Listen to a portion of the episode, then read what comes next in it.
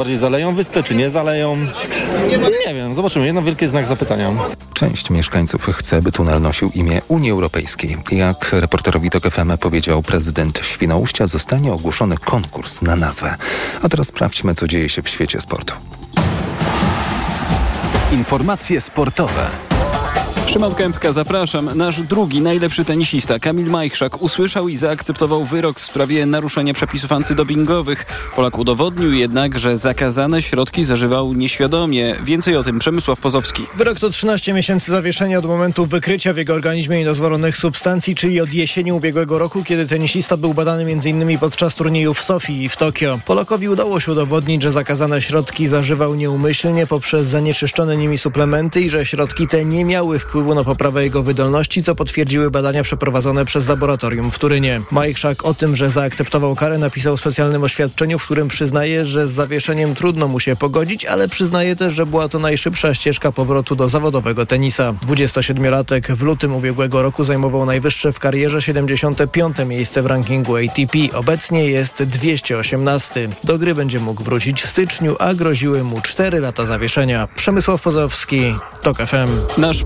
pięciokrotny mistrz świata w rzucie młotem Paweł Fajdek pokazał się w nowej roli. Razem z raperem Peją i trenerem Damianem Kamińskim nagrali utwór promujący memoriał Kamili Skolimowskiej, który 16 lipca w ramach cyklu Diamentowej Ligi odbędzie się na Stadionie Śląskim. Oto próbka raperskich możliwości Pawła Fajdka. Kama Skolimowska, co to była za dziewczyna? Talent, klasa, styl, cały świat tym zadziwiła. O Kamili można mówić wszystko byle szczerze. Dlaczego odeszłaś, bo ja ciągle w to nie wierzę. Byłaś, jesteś, będziesz wielka, tego się trzymamy. Mówię o nas wszystkich, bo my ciągle pamiętamy. A w ramach tegorocznej edycji Memoriału Kamili Skolimowskiej wystartuje ponad 200 lekkoatletów. Kibice obejrzą w akcji przynajmniej 50 medalistów Igrzysk Olimpijskich, Mistrzostw Świata i Mistrzostw Europy.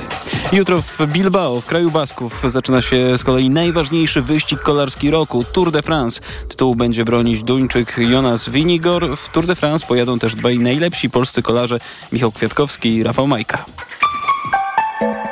Pogoda. Sobota przyniesie słońce głównie na zachodzie i północnym zachodzie kraju, miejscami opady deszczu, na wschodzie, południu i początkowo w centrum możliwe burze z gradem. Maksymalnie na termometrach 20 stopni w Lublinie, 21 w Olsztynie, 22 w Białymstoku, Poznaniu i Katowicach, 23 w Bydgoszczy, Gdańsku, Warszawie, Łodzi, Wrocławiu i Krakowie do 25 w Rzeszowie. Radio TOK FM. Pierwsze radio informacyjne. Mikrofon, Tok FM. Jest 5 minut po godzinie 20. Słuchamy Radia Tok FM. Przyszedł czas na program Mikrofon Tok FM. Dziś piątek, 30 czerwca. Dzisiejszy program jest w formule, którą już kilkakrotnie w Radiu Tok FM wykorzystywaliśmy. W naszym studiu pułkownik rezerwy dr Piotr Łukasiewicz, analityk polityki Insight, kolegiem Civitas, były ambasador Rzeczpospolitej Polskiej w Afganistanie, członek konferencji ambasadorów RP. Dobry wieczór. Dobry wieczór, dziękuję za zaproszenie. E, łączymy się też z dr Agnieszką Bryc z Uniwersytetu Mikołaja Kopernika w Toruniu. Dobry wieczór. Dobry wieczór. Tak jak w, już to w programie Mikrofon Tok FM robiliśmy, Państwa głosy, słuchaczy i słuchaczy Radia Tok FM w dzisiejszego wieczoru to pytania do ekspertów, którzy są z nami i będą przez cały program Mikrofon Tok FM. Dzisiaj, dzisiaj 492 dzień pełnoskalowej rosyjskiej agresji na Ukrainę. E, wszystkie pytania, które Państwo mają, mieli przez ostatnie dni i tygodnie, e, a w jakiś sposób e, media nie odpowiadały na te pytania, to proszę bardzo, dziś jest okazja, żeby zadzwonić, proszę Państwa, na naszą antenę. Nasz numer to 22 44 044 i zadać ekspertom y, te pytania. Można do nas również pisać na adres mikrofonmałpatok.fm i na portalu Facebook, na profilu naszej stacji radiowej Państwa y, y, pytania również.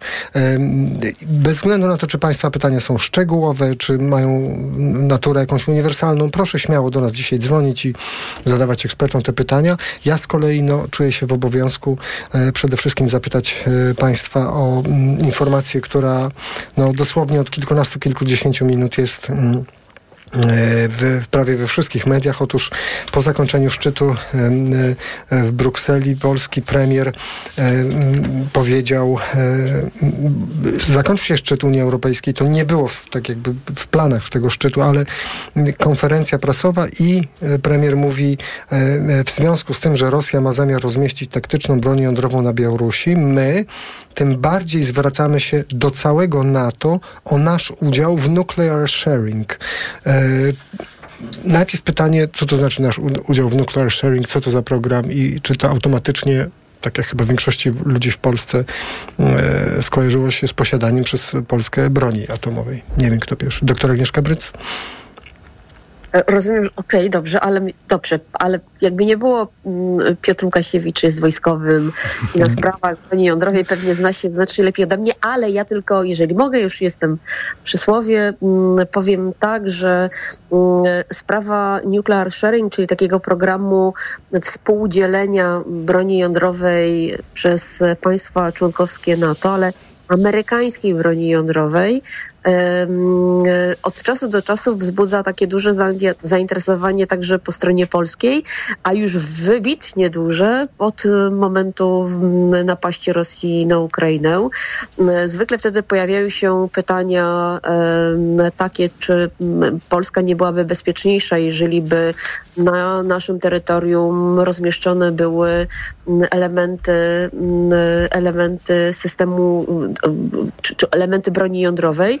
Natomiast e, oczywiście argumenty są za i przeciw. One w zasadzie się sprowadzają do tego, w zasadzie ta dyskusja, nie wiem, czy warto ją tak intensywnie kontynuować, skoro decyzja jest po stronie amerykańskiej, a z tego co wiemy, także już w komunikacie amerykańskim, Waszyngton nie zamierza e, rozpatrywać sprawy rozmieszczenia broni jądrowej w nowych, e, w innych państwach członkowskich NATO. No, dokładnie John Kirby powiedział tak. E, rzecznik Rady Bezpieczeństwa Narodowego USA. Nie mam nic do... Bo na konferencji został zapytany po prostu przez e, dziennikarza o to e, i on powiedział tak. Nie mam nic do powiedzenia na temat żadnych rozmów tego typu. Jedna rzecz, którą mogę powiedzieć, to, że nie zmieniliśmy dyspozycji dotyczących strategicznego odstraszania. Pułkownik rezerwy dr Piotr Łukasiewicz, proszę bardzo. Dobrze, to może zacznijmy od programu Nuclear mhm. Sharing. To jest program, który jest, y, był jednym z ważniejszych, y, ważniejszych zdolności czasów zimnej wojny. Polegał on na tym, jeszcze w latach 50. on w zasadzie był roz, roz, rozpoczynał się. Polegał on na tym, że y, w Europie, w NATO ówczesnym, państwami posiadającymi broń nuklearną były Stany Zjednoczone, Francja i Wielka Brytania, natomiast Stany Zjednoczone jako ten największa super, super potęga nuklearna, żeby zmultiplikować swoje zdolności rażenia terenu Związku Radzieckiego własną bronią nuklearną, e, niejako użyczała broń nuklearną innym państwom natowskim, Belgią, nie, Belgii, Niemcom, Holandii, Turcji, Włochom również. Polegało to na tym, że broń nuklearna pozostawała pod dowództwem amerykańskim, była, znaczy jej decyzja o jej użyciu była w gestii dowódców amerykańskich, natomiast przenosili ją piloci i samoloty belgijski, bel, belgijscy, włoscy, mhm. e, brytyjscy, niemieccy i, i et, etc. Różne, różne, różnego typu e, samoloty przede wszystkim, bo to chodziło o, o, o przenoszenie przez, przez samoloty. Ten program przetrwał koniec zimnej wojny. W Europie wciąż takie, takie porozumienia łączą wymienione przeze mnie kraje. E, niektóre chyba zrezygnowały, ale przede wszystkim no, Niemcy, y, Włosi, Holendrzy, wciąż te, te zdolności utrzymują, to znaczy mają swój, swój sprzęt lotniczy, swoich pilotów, natomiast broń nuklearna jest w postaci różnych y, bomb, przede wszystkim nuklearnych, jest, y, jest w, w gestii y, amery, amerykańskiej. I teraz tak, dołączenie do tego programu Nuclear Sharing jest sprawą poważną, sprawą, która powinna być omawiana w tajemnicy sprawą poważną, to mało powiedziane, super poważną, bo to jest posiadanie broni nuklearnej na terenie y, jakiegoś państwa. Żeby y, takie rozmowy prowadzić, to najpierw trzeba je prowadzić, ale właśnie prowadzić je w sposób y, gabinetowy. Tutaj nie chcę jakby tutaj państwa zniechęcać, że mówiąc, że, że to państwo powinno działać w jakiś utajniony sposób. Właśnie nie rozmowy, negocjacje z Amerykanami, bo przecież to od nich w sumie zależy, powinny być prowadzone w sposób utajniony. Natomiast posiadanie broni nuklearnej na, na, na, terenie kraju powinno być wynikiem jakiegoś, nie wiem, konsensusu politycznego, jakiejś zgody narodowej. To nie jest zwykły czołg, zwykła armata, mhm. zwykły, zwykły samolot. To jest jednak broń, broń nuklearna i tutaj powinno być jakby większe, e, większego rodzaju, e, no to być, powinna być strategia państwowa, a nie wystąpienie na konferencji prasowej i to jeszcze w, w związku z kryzysem y, wokół m, przyjmowania uchodźców. I to, to, to, to faktycznie by, było dość, dość bul- bulwersujące, szczerze mówiąc. Znaczy te, te dwa dni w ogóle są bulwersujące, jeśli chodzi o uchodźców i postawę premiera Morawieckiego indywidualnie. Reakcja Kirbiego y, w zasadzie była taka, że on nic nie powiedział. Nie powiedział, czy te rozmowy trwają, czy, czy Amerykanie chcą przekazać, czy nie. Po prostu tak się zachował, jak się powinno zachowywać w przypadku rozmowy o broni nuklearnej. Nie rozmawiamy o broni, o broni nuklearnej publicznie, dopóki nie, podejmie, nie, nie, nie, pad, nie zapadną decyzje, aby taką broń przyjmować albo nie przyjmować, przekazywać, nie przekazywać i roz, rozszerzać ten, ten program Nuclear Sharing.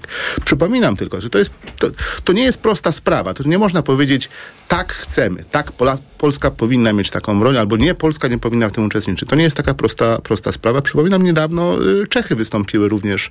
Y, Ta, ta dyskusja się rozpoczęła w Czechach. Partie polityczne y, rozmawiają o, o, o przystąpieniu do tego, do tego programu, więc nie jest to rzecz, którą, na którą można łatwo zbyć. Nie, to jest nasza jakaś tam mocarstwowa ambicyjka, albo y, jak najbardziej powinniśmy mieć broń, broń nuklearną na naszym terenie, jeszcze, jeszcze w, y, zrzucaną, że tak powiem, przez polskich pilotów. To jest sprawa, y, która no, i, i stoi na agendzie powinna stać na agendzie rozmowy sojuszniczej, natowskiej y, oczywiście i bilateralnej ze Stanami. Natomiast y, tutaj ta forma jest chyba najbardziej bulwersująca.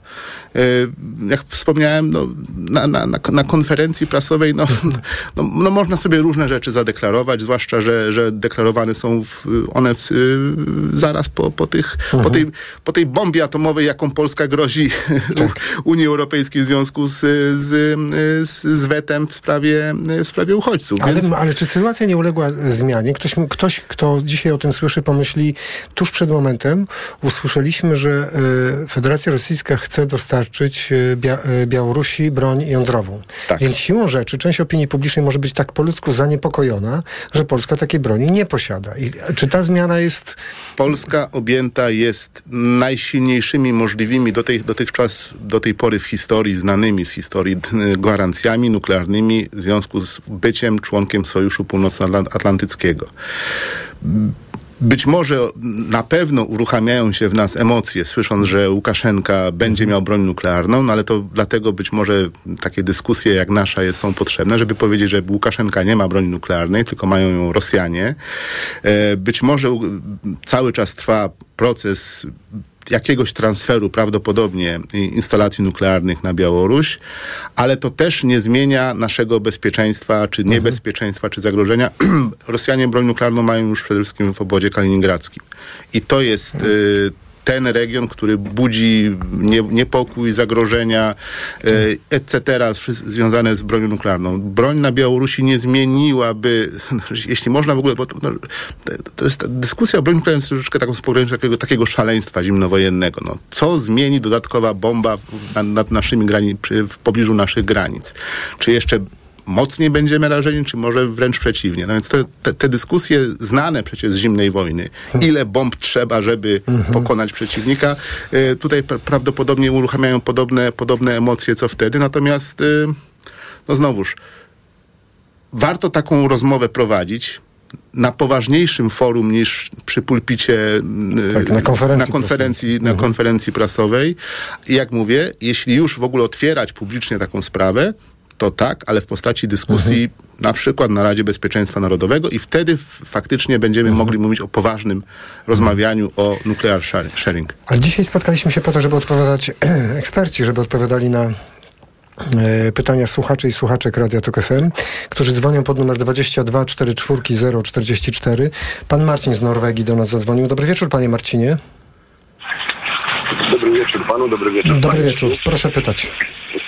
E, chciałem zadać takie pytanie, które mnie nurtuje już od 2014 roku. E, Jak pana zdaniem, e, dlaczego nie zadziałał wtedy traktat budapesztański w 2014 roku?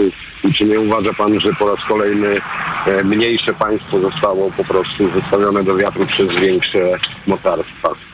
Pan Marcin z Norwegii pyta o traktat budapesztański. Bardzo dziękujemy za ten głos. Przypominamy numer do nas 22 44 044.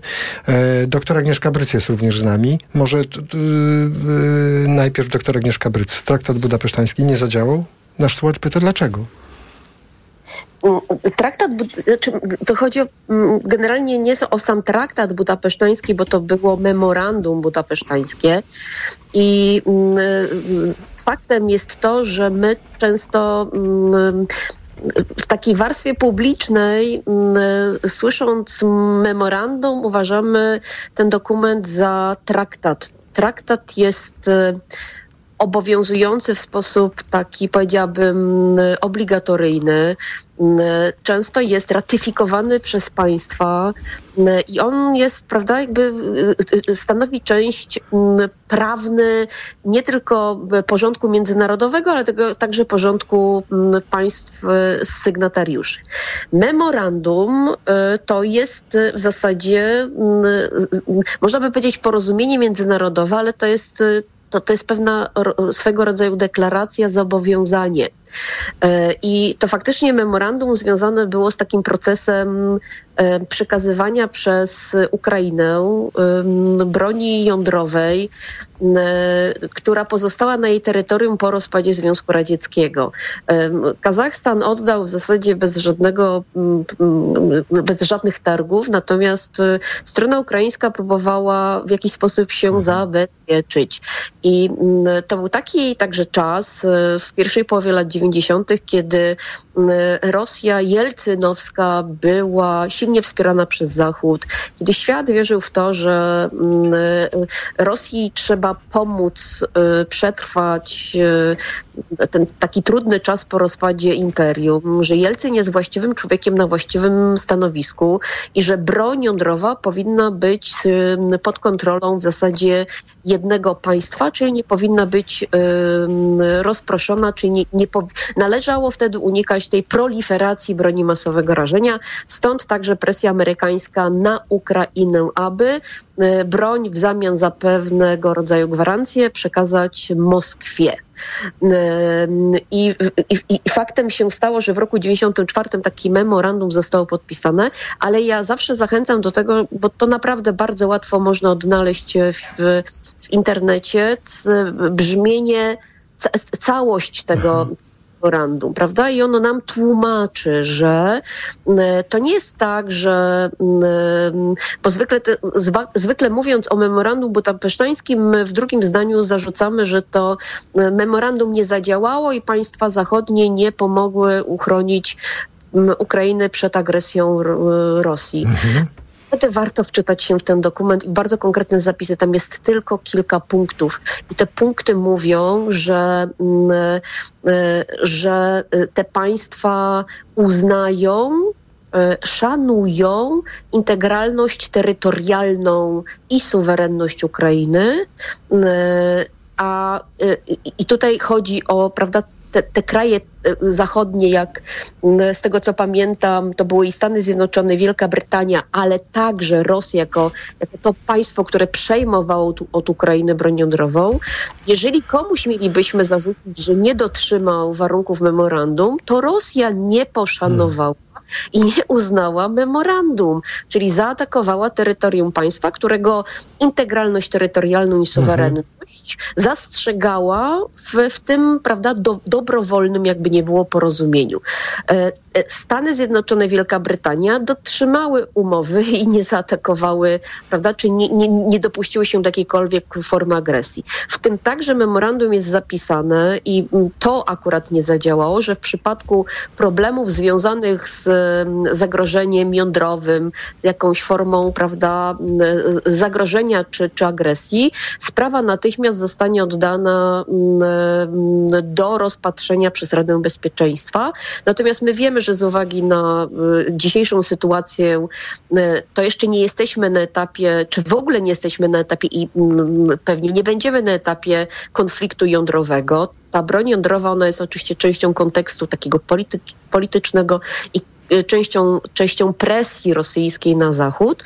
Natomiast to to nie jest tak, e, że memorandum z roku 94 e, nie zadziałało. Ono nie było, e, nie było pod tym względem traktatem takim, do, do, do którego my jesteśmy zwykle przyzwyczajeni, mówiąc o umowach międzynarodowych. Mhm ale to było zobowiązanie państw, które podpisały ten dokument do poszanowania, tak jak mhm. powiedziałam, niepodległości i suwerenności.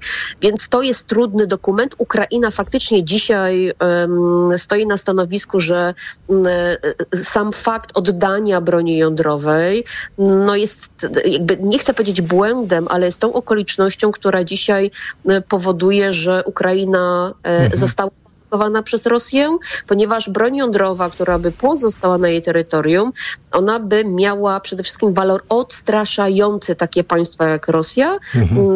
do napaści um, zbrojnej mhm. na, na Pułkownik rezerwy dr Piotr Łukasiewicz, proszę. Tutaj wiele pewnie nie mam do dodania, natomiast niejasne było w 1993-1994 roku, czy faktycznie Ukraina kontrolowała tę broń nuklearną, bo broń nuklearna, nuklearna to nie tylko głowica i rakieta, ale również y, jej kontrola, czyli, czyli zdolność do jej użycia. E, zdaje się, że w większości przypadków y, ta broń pozostawiona w Kazachstanie, znaczy rozmieszczona w Kazachstanie i w Ukrainie przez Związek Radziecki jeszcze, była kontrolowana z Moskwy. Więc jakby to były te, te, te siły, które... Yy, to, nie było, ten status tej broni nie był do końca, do końca jasny. Były bardzo oczywiście duże naciski ze strony w ogóle świata, żeby no właśnie nie, nie rozprzestrzeniać broni nuklearnej. No i jakby Ukraina była tutaj poddana naciskom. Um, no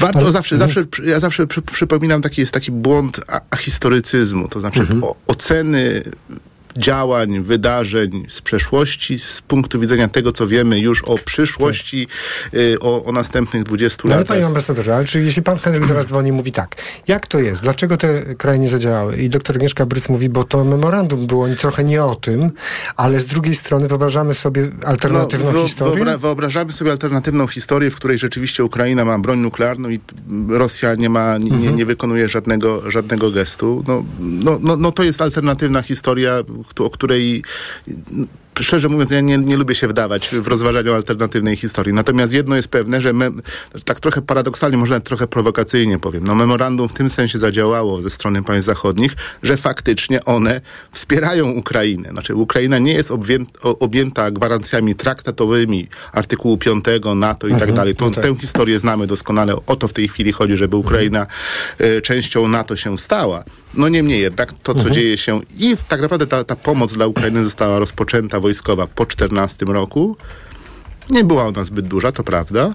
Natomiast, y, natomiast y, po 24 lutego ubiegłego roku ona jest y, coraz szersza, więc jakby tutaj można tak powiedzieć, to trochę mhm. usprawiedliwiająco to memorandum w tym sensie takiego zapewnienia, że będziemy wspierać, zadziałało faktycznie nie, było, nie był to mhm. traktat mówiący o tym, że przyjdziemy z pomocą, jeśli tylko y, ktoś napadnie na Ukrainę. Było to memorandum. Bardzo dziękuję za tę odpowiedź w imieniu pana, Henryka, pana Marcina z Norwegii, który do nas zadzwonił y, z tym pytaniem. To był pan Marcin, przepraszam, pomyliłem imię. E, dziękujemy panie Marcinie. Przypomnę numer do nas 22 44 044. E, dziś e, na państwa pytanie odpowiadają eksperci w naszym studiu. Zadzwonił do nas pan Marek z Warszawy. Dobry wieczór panie Marku. Dobry wieczór panie redaktorze, dobry wieczór państwu Proszę słuchających nas i y, szanowni eksperci. Y, ja mam dwa pytania w zasadzie do pana pułkownika. Panie pułkowniku, moim zdaniem wszyscy wojskowi strategzy nie mają pomysłu na rozwiązanie tego konfliktu. Wysyłanie broni, tudzież sprzętu wojskowego, na razie, jak ja to obserwuję od początku, nie przynosi oczekiwanego efektu. Jak długo Pana zdaniem może to jeszcze potrwać, nie oczekuję precyzyjnej odpowiedzi. Wspomniał Pan na koniec swojego komentarza tutaj do y, kolegi z Norwegii pytania o przyjęciu y, Ukrainy w poczet y, państw NATO. No już to chyba trwa za długo i moim zdaniem należałoby wszystkie siły uruchomić i zmienić przepisy ułatwiające i przyspieszające przyjęcie Ukrainy do państw NATO, bo nawet, nawet jak się uda wyprzeć Sowietów z terytorium Ukrainy, to dalej będą kąsać ze swojego terytorium. Czyli Panie Marku, jak rozumiem, to, to, drugie pytanie brzmi po prostu, czy da się zmienić y, umowy międzynarodowe tak, tak żeby w, szybszy sposób, w skuteczniejszy można było przyjmować kolejne państwa, w tym przypadku Ukrainę, tak? Do, do, do paktu NATO, tak? tak? Panie Marku, tak, bardzo, tak. bardzo dziękuję za Pana y, oba pytania. Pan Marek do nas zadzwonił pod numer 22 44 044. No, y, tu do Pana ambasadora Pan Marek pierwsze pytanie skierował. Jak jak długo y, ten system, który teraz obowiązuje, czyli przesyłanie broni, uzbrojeń, amunicji, Tak. e, e, może funkcjonować, bo w ocenie pana Marka to nie działa. No, działa, ponieważ Ukraina się broni, broni, broni się bardzo y, udatnie. Za, zahamowała ofensywę rosyjską w ubiegłym roku. E, no, pytanie, czy ma zdolności do tego, żeby w cało, w cało, w całkowicie odebrać zagarnięte terytorium. Y, no, kontrofensywa, która teraz się, czy, czy ofensywa, tak mówiąc precyzyjniej, ofensywa ukraińska, która się e, na naszych, znaczy nie, właśnie nie na naszych oczach rozgrywa w tajemnicy ogromnej. My, Ukraińcy utrzymują swoje działania i bardzo słusznie. Mamy zaledwie jakieś takie tylko przebłyski e, informacji te, z, z, z frontu świadczące o jakimś no, powolnym na pewno tempie. Znaczy to, to przy, przy, przy, przyznają politycy i ukraińscy, i e, amerykańscy generałowie, że ta ofensywa idzie powoli, ale też skala wyzwania jest tak ogromna. Przejście trzech, co najmniej trzech linii obronnych ufortyfikowanych Rosjan nie jest zadaniem bagatelnym, zwłaszcza jeśli nie ma się lotnictwa. No i nie ma się takiego nasycenia sprzętem, e, żeby można taki przełom móc, e, móc wy, wykonać. Wracając do tego pierwszego pytania, znaczy zdecydowanie pomogliśmy Ukraińcom zachować niepodległość, to co najważniejsze dla każdego narodu, dla każdego państwa. W coraz większym stopniu umożliwiamy im odzyskiwanie tej niepod, niepod, niepodległości. E, Jak długo to potrwa, nie śmiem mm, przewidywać, ponieważ te przewidywania są tutaj, no, no nie ma danych tak naprawdę do tego, żeby ocenić, czy ofensywa ukraińska już się rozpoczęła, ta właściwa jej część, a czy ona będzie udana, to już jest zupełnie, zupełnie inna sprawa. W moim przekonaniu, e, w moim przekonaniu strategia tego wolnego świata wspierającego Ukrainę i samej Ukrainy polega mniej więcej na tym, wykonać uderzenie wojskowe, które zbiegnie się z jakimś kryzysem politycznym na Kremlu. E, I tylko zbieg tych dwóch warunków pozwoli na no, wygranie tej wojny. Ta mm, strategia została sformułowana w bardzo taki mm, mm, incydentalny, można powiedzieć, y, sposób przez y, prezydenta Bidena w Warszawie zresztą, e, w przemówieniu na, na Zamku Królewskim, kiedy westchnął Biden, mówiąc, ten człowiek nie może być dalej prezydentem Rosji. Pamiętacie państwo te, te słowa? A później Lloyd, Austin, czyli szef Pentagonu, miesiąc później w Rzeszowie powiedział, chcemy osłabienia Rosji. Po prostu. Po prostu. No, I, to, i, to, I to jest, to jest ta strategia. No, czyli, I ona się, ona y, pewnie jest formalnie lepiej brzmi sformalizowana w jakichś dokumentach natowskich pe, pe, albo Pentagonu, ale w gruncie rzeczy o to chodzi. Nikt nie, porównując potencjały militarne Rosji i Ukrainy, oczywiście Rosja jest daleko silniejsza. Inna sprawa, czy jej armia jest dobrze dowodzona, czy ona jest sprawna, dobrze zorganizowana, no ale to są jakby to, to są takie di- didaskalie. Natomiast y, Rosja jest po prostu silniejsza.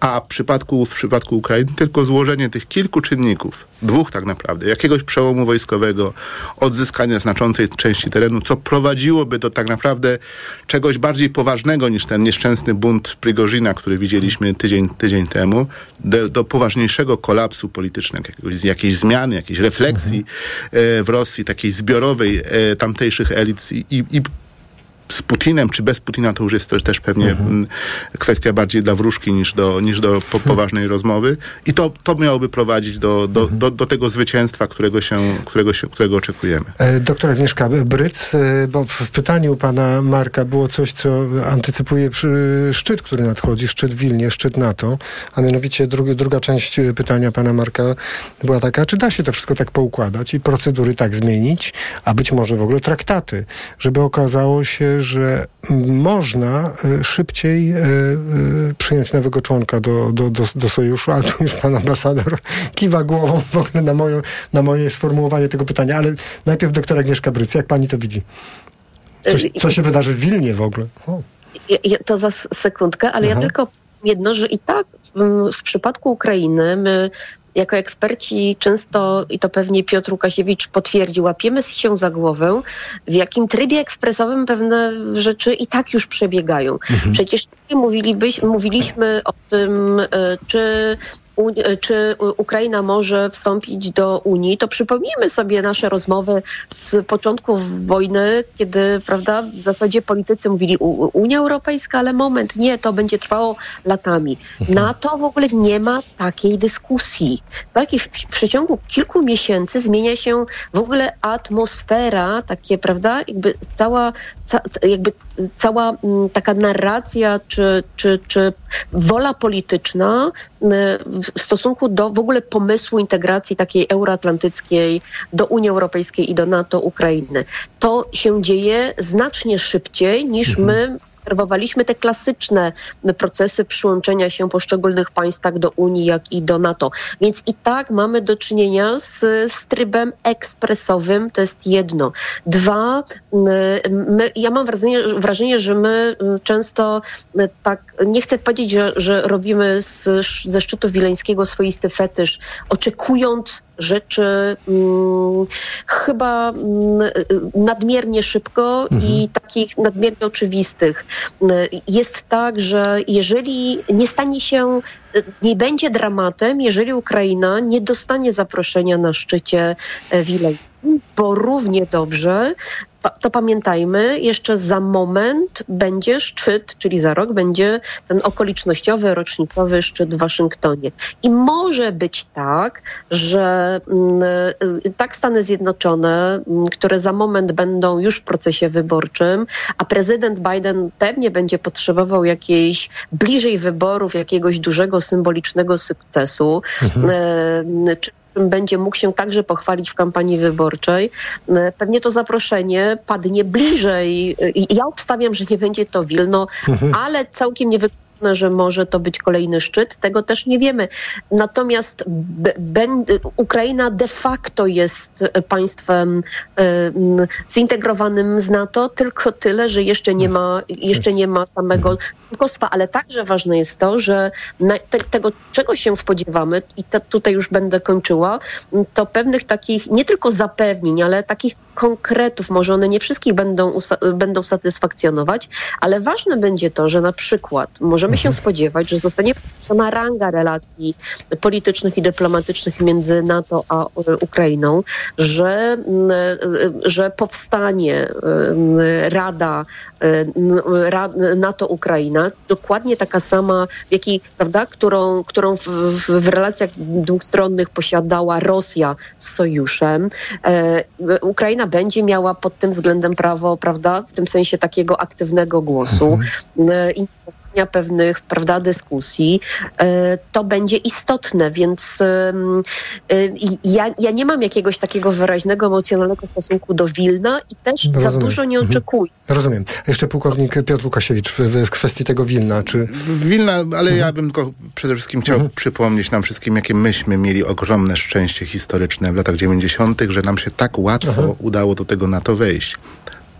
Często mówiąc o Ukrainie w NATO, nawet teraz, tak jakby powołujemy się na te lekcje, no właśnie z tego łagodnego, przyjemnego, radosnego wręcz rozszerzenia NATO w latach 90., na początku lat, na, na, w pierwszej dekadzie XX, XXI wieku. To był inny czas inne okoliczności, inna Rosja, inne NATO, inny świat w ogóle. E, I, e, ale też, też tak patrząc z perspektywy dzisiejszej, no można powiedzieć, no wielkie, wielkie historyczna okoliczność, możliwość i wielkie szczęście, że mając odpowiednio mądrych polityków, do tego NATO ostatecznie e, weszliśmy. Podzielam zdanie Agnieszki o, e, to tyle jeśli chodzi o polską historię i tak naprawdę ten wielki oddech ulgi, taki powiedzmy 30-letni można powiedzieć, że nam się tak to udało. E, podzielam zdanie Agnieszki na temat szczytu wileńskiego. Uważam, że, znaczy, że to będzie szczyt, który podsumuje przede wszystkim sprawy wojskowe, sprawy użycia planów ewentualnościowych, planów obronnych NATO, na, zwłaszcza na, na, na flance wschodniej. Tam będzie dużo takich szczegółów wojskowych, które nie do, nie do końca będą wybrzmiewały, w, jej, ich szczegóły nie będą do końca znane opinii publicznej. Natomiast my patrzymy na niego y, z trochę takim, no bo to jest szczyt w Wilnie, y, trochę napompowano atmosferę w związku z wyborem nowego sekretarza albo pani sekretarz generalnej NATO. Em, em, no, Ukraina miałaby zostać jakieś, mieć jakieś, jakieś, jakieś, jakąś, jakąś formułę y, wejścia. No, Szwecja miałaby również przystąpić do tego szczytu. No, widzimy, że Mhm. na 10-11 dni przed rozpoczęciem spotkania głów państw y, w Wilnie y, kilka z tych elementów, takich powiedziałbym, takich spektakularnych, ra, raczej się jeszcze nie składa. No, może to być w ostatnim dniu, nawet wybór nowego sekretarza lub pani sekretarz, ale no, na razie atmosfera pewnie tu jest raczej, raczej tonowana, bo już widzimy, że kolejni kandydaci odpadają albo są blokowani.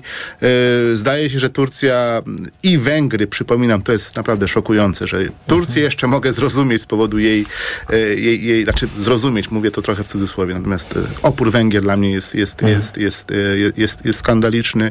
No i faktycznie ten, ten szczyt w Waszyngtonie w przyszłym roku, który będzie niezwykle ważny, 75-lecie yy, NATO, no i, i, i jak jakiś koniec wojny, jakieś rozwiązanie, jakiś kształt, nowy kształt wojny, wynik, bo nawet nie wiem, czy można tutaj takiego słowa użyć, e, w Ukrainie będzie tutaj e, mocniej zaakcentowany za rok niż właśnie w Wilnie.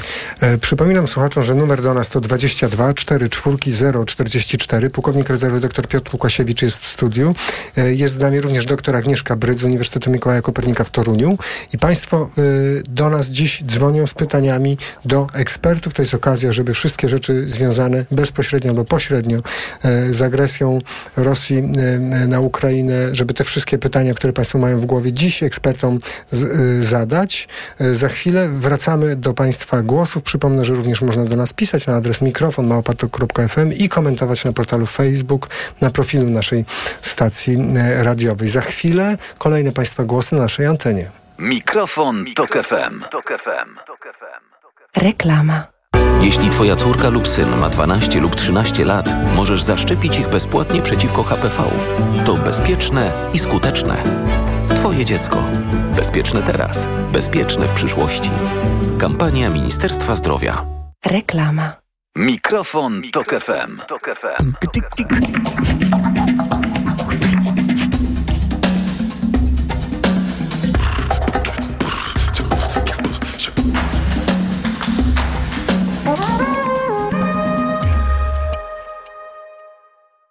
Mix. Mikrofon, Tok FM. FM.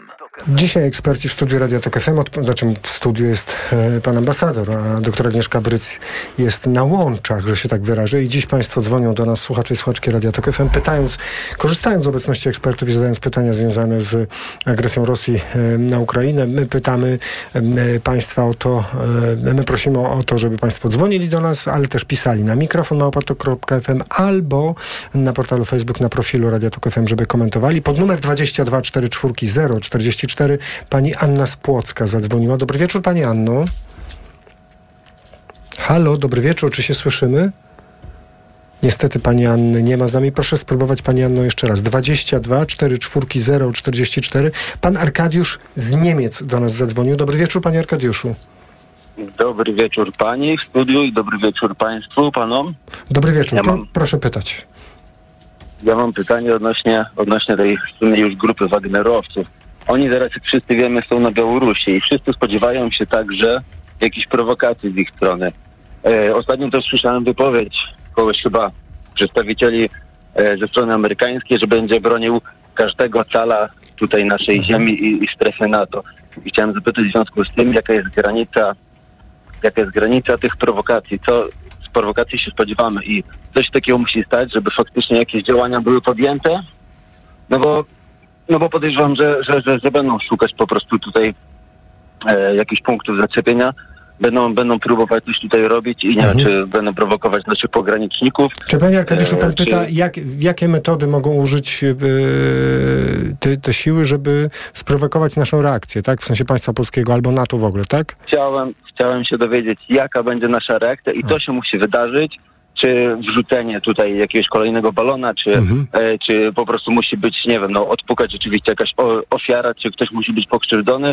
Jaki jest wtedy ten modus operandi tak zwany? Czy też będziemy czekać, e, jak to było z rakietą, trzy miesiące, aż coś się stanie i potem, i potem nasze, nasze, nasze państwo będzie robić dochodzenie przez lata i się nie dowiemy, czy od razu będzie szybkie działanie, żeby po prostu ich odstraszyć, żeby tych prowokacji nie było. Panie Arkadiuszu, bardzo dziękujemy za to pytanie.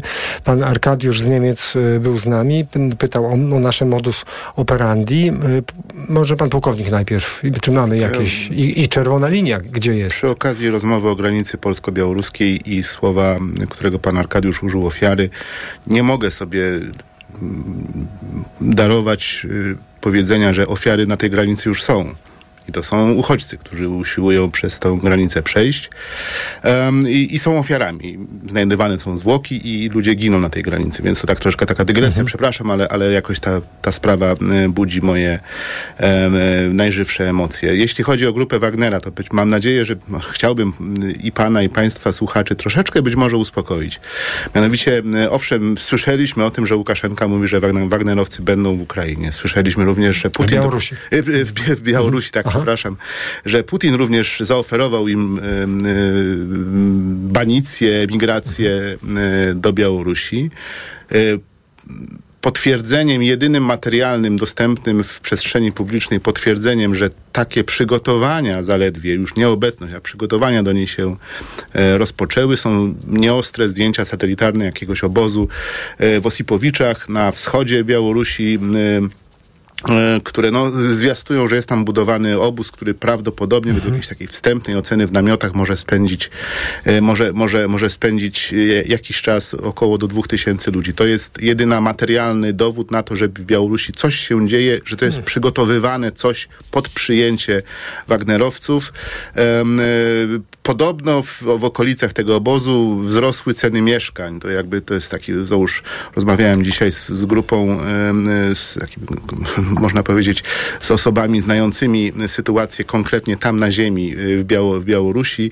Oni mówią o tym, że wzrastają ceny mieszkań, co wskazywałoby, że, że ci Wagnerowcy mogą tutaj z rodzinami przyjechać również, że tam, do, do, do, do, w, w, ten, w, ten, w ten rejon. Więc tu jest, jest tutaj mm, trochę, trochę niepewności. Ważnym elementem, i to już też wiemy o tym, że to się dzieje, taki proces się odbywa, bo oni pierwsze, na, na samym początku, w pierwszych momentach po, po buncie, część e, Wagnerowców wyjechała do tak zwanej e, Ługańskiej Republiki Ludowej, czyli okupowanych przez Rosję terenów e, e, obwodu Ługa- Ługańskiego i Donieckiego, znaczy przez Ługańskiego. I, a ten ich wyjazd do LNR-u tak zwanego był związany również z tym, że Wagnerowcom odebrano czołgi i broń przeciwlotniczą, którą oni mieli. To było też niesamowity widok tych czołgów jadących na Moskwę na, na tirach należących do, do, grupy, do grupy Wagnera. Ta ciężka broń została im odebrana, więc zakładamy, że nawet jeśli zmaterializują za jakiś czas e, grupa Wagnera, jej część. Wiem, że ci bojownicy y, też y, domagają się tak wysokich pensji, jakich mieli, jak, jakie mieli w, w, przeszłości. E, Nie jesteśmy, znowuż ludzie, z którymi rozmawiałem, nie są przekonani, że Łukaszenka takie pieniądze może im do czego w jakikolwiek sposób zaproponować. Więc tu jest kilka uwarunkowań, które należy przejść. No i łącznie z tą bronią ciężką, o której, o której wspomniałem, Konkluzja raczej, no i tutaj chciałbym trochę uspokajająco zabrzmieć, e, raczej jest taka, że jeśli Wagnerowcy się faktycznie pojawią e, w, w Białorusi, to będą raczej pełnili rolę, o której zresztą sam Łukaszenka mówił, czyli jakieś szkolenia, jakieś, jakaś obecność, znaczy jaka, jako próba rozwiązania tego kryzysu, który faktycznie w Rosji się wydarzył. Znaczy to będzie część rozwiązywania tego kryzysu. To są ludzie z punktu widzenia Rosji cie, e, cenni, w tym sensie, że realizują jej politykę zagraniczną w Afryce, w, centr- w Republice Centralnej Afryki, w Mali, w, w, w innych miejscach, gdzie Rosja przy ich pomocy uprawia swoją politykę zagraniczną. Daleko jeszcze jest do użycia Wagnerowców na granicy polsko-białoruskiej do prowokowania naszych sił specjalnych, naszych, naszych służb specjalnych, naszych, naszych, naszej Straży Granicznej i śmiem twierdzić, że nie będą oni wyzwaniem dla naszego wojska, który tej, które tej, tej granicy, i naszej Straży Granicznej, która tej, tej granicy e, strzeże. Prowokacje i tak już mamy. No, nie wiem, czy to jest uspokajające, czy nie, ale też warto przyglądać się tym takim bardziej szczegółowym krokom, zamiast myśleć o tym, że oto mamy grupę morderców i psychopatów na, na granicy polsko-białoruskiej, którzy już idą niemalże albo na Litwę, albo, na, albo na Polskę. Znaczy tutaj między y, A a B jest jeszcze cały szereg stopni, tak. stopni pośrednich. Doktor Agnieszka Bryc. Jeżeli mogę, kilka zdań, e, a w zasadzie tylko i wyłącznie takiego mm, uzupełnienia e, i dorzucenia kilku detali. I warto także pamiętać, że jeżeli mm, ktoś miałby się niepokoić Wagnerowcami, którzy być może nie wiemy w jakiej, w, jakiej grupie pojawią się e, na Białorusi, no to ja bym raczej obstawiała, że oni będą um, wykorzystywani, jeżeli już, to na tym odcinku um, um, białorusko-ukraińskim. To, to Ukraina ma powód do, największy powód do zaniepokojenia. E, Jeżeli miałyby się odbywać jakieś operacje czy akcje dywersyjne, to one właśnie mogą być na tym froncie północnym, prawda? No to Czyli... potwier- przepraszam, ale to potwierdza prezydent y, Wołodymyr Zeleński, bo specjalne środki podejmujemy w związku z przemieszczeniem się najemników grupy Wagnera do Białorusi, ale też decyzję o wzmocnieniu granicy z Białorusią podjął głównowodzący ukraińskim wojskiem generał Walery Załużny. Czyli tak jak potwierdza pani tezę. Tak, potwierdzam, bo to się w zasadzie od tych pierwszych, od pierwszej chwili, kiedy padło hasło Wagnerowcy na Białoruś, no to, no to być może oczywiście tak, faktem jest, że Polska i państwa bałtyckie za, za, zareagowały takim dużym zaniepokojeniem, co dało dużo satysfakcji stronie rosyjskiej, mediom rosyjskim i propagandzie rosyjskiej. One hmm. naprawdę podbijają taką, prawda, taką satysfakcję, że oto proszę, Polska bardzo zestresowana tym, zaniepokojona i stawia swoje wojska w stan gotowości z uwagi na tych Wagnerowców, którzy mają się tam pojawić. To jest raz. Czyli Ukraina znacznie bardziej, ten kierunek ukraiński jest bardziej prawdopodobny. To jest raz. Dwa, to jest to, o czym Piotr powiedział. My naprawdę nie wiemy, ilu z Wagnerowców zdecyduje się podążyć za Prigorzynem na Białoruś, bo oni podejmują bardzo siebie żywotne, takie życiowe decyzje. Ale to nie jest regularna armia, to jest w sumie zupełnie inny twór. To są bojownicy, to, to nie są żołnierze, znaczy warto mhm. takich poprawnie nazywać. Mhm są najemnicy, którzy funkcjonują na podstawie kontraktów i oni dostali oni dostali ofertę um, z Kremla, że mogą przejść z kontraktu wprost z grupą Wagnera, ale prawda, w domyśle tą, tą, tą, z tą pierwotną grupą Wagnera. Oni mogą funkcjonować już w ramach grupy Wagnera, ale już na nowych kontraktach z Ministerstwem Obrony. I to jest forma takiej raz pacyfikacji grupy Wagnera i zawłaszczania, czyli mhm. przejmowania przez ministra Szojgu i przez sam resort obrony, czyli w tym zwarciu Prigorzyn Szojgu wygrał zdecydowanie Szojgu, bo jest demontowana w takich trochę białych rękawiczkach grupa Wagnera.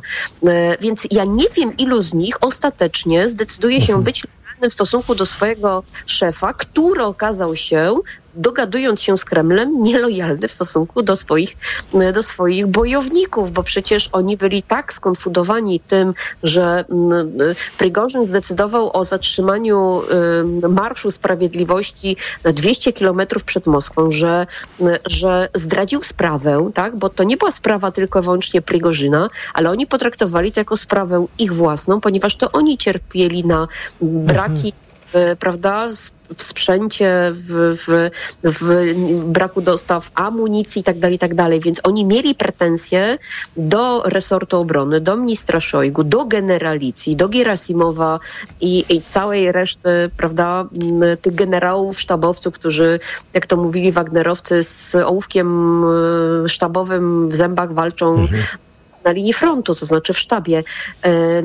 Więc tam jest też duży problem w samej grupie Wagnera i oni zastanawiają się dzisiaj pewnie nie to, po której stronie się opowiedzieć, tylko to, czy w ogóle grupa Wagnera przetrwa. Tak, w tej formie tak, ale to przy okazji, bo, bo tu pojawił się wątek, który moim zdaniem jest bardzo istotny, czyli e, ja cytowałem wypowiedź e, prezydenta ukraińskiego, ale też e, ukraińskiego generała, którzy zaniepokojeni właśnie pojawieniem się Wagnerowców w Białorusi, czy możliwością się pojawienia, mówią o wzmocnieniu obrony granicy. I pan ambasador na to co? Że Proszę pamiętać, że zadaniem władz państwowych w takiej sytuacji, jakiej jest Ukraina, Litwa, Polska, Białoruś również, jest uspokajanie, no przede wszystkim mówimy tutaj o państwach, no, że tak powiem, po naszej stronie, uspokajanie swoich obywateli i mówienie o tym, że, e, czy, że jesteśmy gotowi do, do, do odparcia. Znaczy, policzmy, ilu ich tam może być, a ilu Rosjan było w styczniu, w lutym ubiegłego roku napadało na Ukrainę od strony Białorusi. Wtedy weszło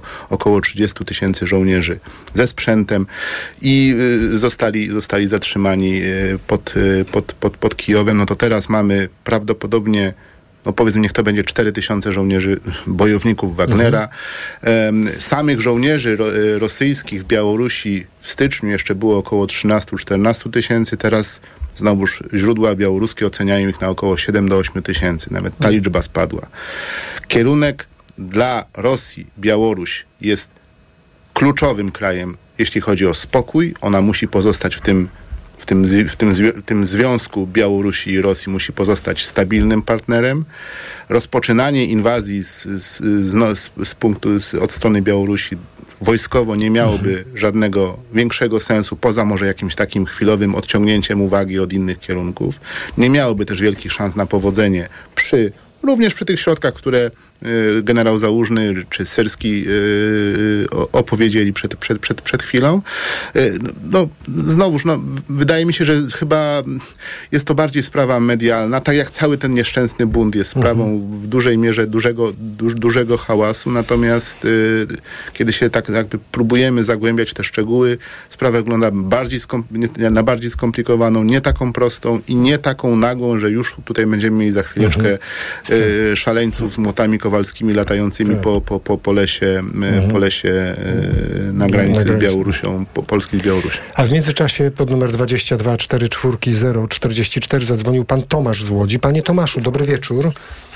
Dobry wieczór Państwu. Proszę pytać. Ja dzwonię, dzwonię z takim pytaniem, tutaj y, pięknie Państwo tłumaczycie no te wszystkie zawiłości. Ja mam pytanie odnośnie grupy Wagnera, bo nie słyszałem w mediach, być może coś mnie ominęło, ale patrząc na y, ruchy jakby Putina i no, rzeczy, które on mówi, robi, myśli, to są trzy, trzy jakby rzeczy, które są różne. Czy nie, nie rozważana jest taka, taki scenariusz, że no, ten ruch grupy Wagnera na Białoruś to jest jakaś prowokacja ze strony Putina po to, żeby, no mówiąc, nie wiem, kolokwialnie spacyfikować yy, reżim Łukaszenki? O, w tym kierunku. Panie Tomaszu, bardzo dziękujemy za, za bardzo ciekawy wątek. Pan Tomasz z Łodzi. E, e, doktor Agnieszka Bryc. No właśnie, pojawiają się ludzie z bronią. No nie ma chyba lepszego, skuteczniejszego narzędzia wpływu na państwo, w którym się pojawiają. Ale jeżeli mogę, to Mhm. mm, powiem w taki sposób, że jeżeli, mm, jeżeli nam się wydaje, bo oczywiście mamy często takie przekonanie i wierzymy w to, że Putin jest masterminderem, ma plan, który, prawda, mm, przewiduje różne kroki na taką, prawda, na, na, na, tą, na, na, bardzo do przodu. E, To, I to nie jest prawda. To, to jest tak, że mm, Putin popełnia błędy. To on wykreował wataszkę, który, mm, który zdecydował się na, na zwarcie e, z pod, mm, w zasadzie podopiecznym Putina. I w mojej ocenie, i, i to tego się będę trzymała, ja, ja miałam wrażenie, i to widać było, że Putin był bardzo tym, tą całą sytuacją zaskoczony. Jeżeli Państwo wrócicie na przykład do te, tego orędzia, które, z którym wystąpił Putin, tego porannego, to późniejsze było, to, to ostatnie orędzie było już nieco inne, to już w zasadzie było po wszystkim, ale wtedy, kiedy sytuacja działa się na bieżąco, tam było dużo chaosu, dużo zamieszania i jeszcze więcej znaków zapytania także na Kremlu. Yy, I to dowodzi, że to nie jest prowokacja Putina, chociaż oczywiście Putin mógł się spodziewać tego, że mając w swoim takim najbliższym kręgu e, taką, takiego charyzmatycznego, to znaczy takiego emocjonalnego, przecież Mhm. nieraz oglądaliśmy te słynne słynne filmiki Prigorzyna, kiedy w sposób y, często wulgarny, ale bardzo emocjonalny y, zaprzeczał, czy nie wiem, wzywał Szojgu do, do udzielenia pomocy Wagnerowcom. Więc to jest człowiek pełen takich emocji, bardzo taki krwisty i o mentalności, takim mindsetie absolutnie kryminalnym. Y, Putin musiał zakładać, że to może, to zwarcie, to odwieczne zwarcie, znaczy to nie, to, to jest od kilku miesięcy spór Szojgu-Prigorzyn, ale to jest konflikt, konflikt biznesowo-polityczny od lat, od kiedy zaczęła być formułowana e, grupa Wagnera, czyli ta najemnicza formacja. I to Szojgu jako Ministerstwo Obrony zawsze chciał przejąć kontrolę nad najemnikami, więc spór był, nie, on narastał, bo był też nieunikniony. I wybuch w tym momencie, kiedy, Szoj, e, kiedy przepraszam, Prigorzyn wiedział, że to jest ostatni moment, żeby renegocjować warunki mhm takiego niepisanego porozumienia między nim a na przykład samym Kremlem, bo już nie mówię o samym Szojgu. Więc to nie jest tak, że, że to była prowokacja w stosunku do Łukaszenki i najprawdopodobniej sam Łukaszenka także był zaskoczony swoim udziałem, bo on na tym najbardziej zyskał, to, to, to, to, to jest jasne. Natomiast to też nie jest tak, że Putin sobie wymyślił, że tutaj zaszachuje Łukaszenkę, bo wbrew pozorom osłabiony Putin, on jeżeli wy, wy, jakby wyczyści ten, tą sytuację kryzysową, to on będzie znowu miał silniejszy kart i będzie w stanie wywierać silną presję i przymuszać Łukaszenkę do takich y, prokremlowskich decyzji. W międzyczasie e, napisała do nas pani Edyta, która pisze tak: Ukraina ma najwyższą korupcję w Europie. Afery finansowe z udziałem mundurowych to niemal codzienność. Obecnie mówienie o wstąpieniu Ukrainy do NATO jest wysoce nieprofesjonalne. E, to jest wątek, który się pojawił jakiś czas temu w naszej e, rozmowie. Za minutę e, będziemy musieli kończyć tą pierwszą część naszego programu, bo zbliżają się informacje, ale proponuję od tego wątku, o który poruszę Pani Edyta, zacząć po informacjach, dlatego że jako żywo przypomina mi się sytuacja, którą opisywał Pan Ambasador. Tu, kiedy Polska wstępowała w latach 90. do Unii, to nasze wskaźniki korupcji wcale znaczy, nie ja były takie niskie. Zanim przejdziemy do, do informacji, ja się głęboko nie zgadzam z, z, ze stwierdzeniem, że mamy codziennie bo to, to jakby budzi o rzeczywiście tak. bardzo groźny obraz. Znaczy nie mamy codziennie do czynienia z korupcją mundurowych. mundurowych. Faktycznie był kryzys związany z możliwością mhm. korupcji około bodajże lutego, kiedy minister Reznikow był jakoś tam mógł być odpowiedzialny mhm. za, za kryzys związany z zaopatrzeniem żywnościowym, y, mhm. żywieniem, żywieniem żołnierzy. To się zdaje się jakoś rozeszło bez większych konsekwencji dla nikogo. Mhm. Um, i, I to tyle. No, czyli to, to nie jest tak, że tam jest codziennie jakaś odkrywana korupcja w wojsku. Raczej powiedziałbym, że jest jej tam najmniej, jeśli chodzi o wojsko. Faktycznie korupcja jest problemem ukraińskim, była problemem przed wojną. W tej chwili Ukraina ma inne problemy, świat z Ukrainą ma inne problemy i inne wyzwania niż, a, mhm. niż walka z ukraińską korupcją, czy jej brakiem, czy Ukraina będzie innym krajem Aczkolwiek ta dyskusja... Nawet, ona na... powinna się odbywać jak najbardziej. To, to mhm. ja nie, nie dezawuję, nie mówię, że to nie jest problem. Mhm. Tylko to nie jest, to nie jest w tej chwili problem. Y, są daleko ważniejsze sprawy mhm. mhm. między tym trójkącie Zachód, Rosja, Ukraina niż y, mhm. jakaś tam realna albo wyobrażona ukraińska korupcja. Za chwilę informacje Radia Tok FM. Po informacjach wracamy do rozmowy, do odpowiedzi naszych ekspertów na pytania słuchaczy. A są z nami pułkownik rezerwy dr Piotr Łukasiewicz, analityk polityki Insight, kolegium Civitas, były ambasador Rzeczypospolitej Polskiej w Afganistanie, członek konferencji ambasadorów RP i dr Agnieszka Bryc z Uniwersytetu Mikołaja Kopernika w Toruniu. Po informacjach czekamy na kolejne Państwa pytania pod numerem 22 44 044. Widzę, że Państwo również mailowo zadają pytania na adres mikrofon małpatok.fm. Mikrofon, Tok FM. Tok FM. Radio Tok FM. Pierwsze radio informacyjne. Reklama. Chcesz sięgnąć po lek na problemy z erekcją, żeby konar znów zapłonął? I to na długo? Zastosuj Inventum Max. To tam jest końska dawka substancji, a do tego atrakcyjna cena. Inventum Max. Teraz chcieć znaczy móc. To jest lek. Dla bezpieczeństwa stosuj go zgodnie z ulotką dołączoną do opakowania i tylko wtedy, gdy jest to konieczne. W przypadku wątpliwości skonsultuj się z lekarzem lub farmaceutą. Tabletka zawiera 50 mg cydenafinu, wskazany do stosowania u dorosłych mężczyzn z zaburzeniami erekcji. Przed przyjęciem Inventum Max pacjent powinien upewnić się, czy lek jest przeznaczony dla niego. W tym celu powinien wypełnić test diagnostyczny stanowiący element ulotki Aflofarm. Letnie orzeźwienie i moc oszczędności w Lidlu. Już od czwartku. Piwo tyskie ośmiopak tylko 21,60, czyli 2,70 za puszkę 500 ml. Tak, tylko 2,70 za puszkę przy zakupie ośmiopaku. Wszystkie piwa Somersby w butelce 400 ml aż 40% taniej przy zakupie 6. Tak, aż 40% taniej przy zakupie 6. Dla takich okazji zakupy robię w Lidlu. Alkohol tylko dla pełnoletnich. Lidl. Reklama. Radio TOK FM. Pierwsze radio informacyjne. Piątek 30 czerwca 21.01.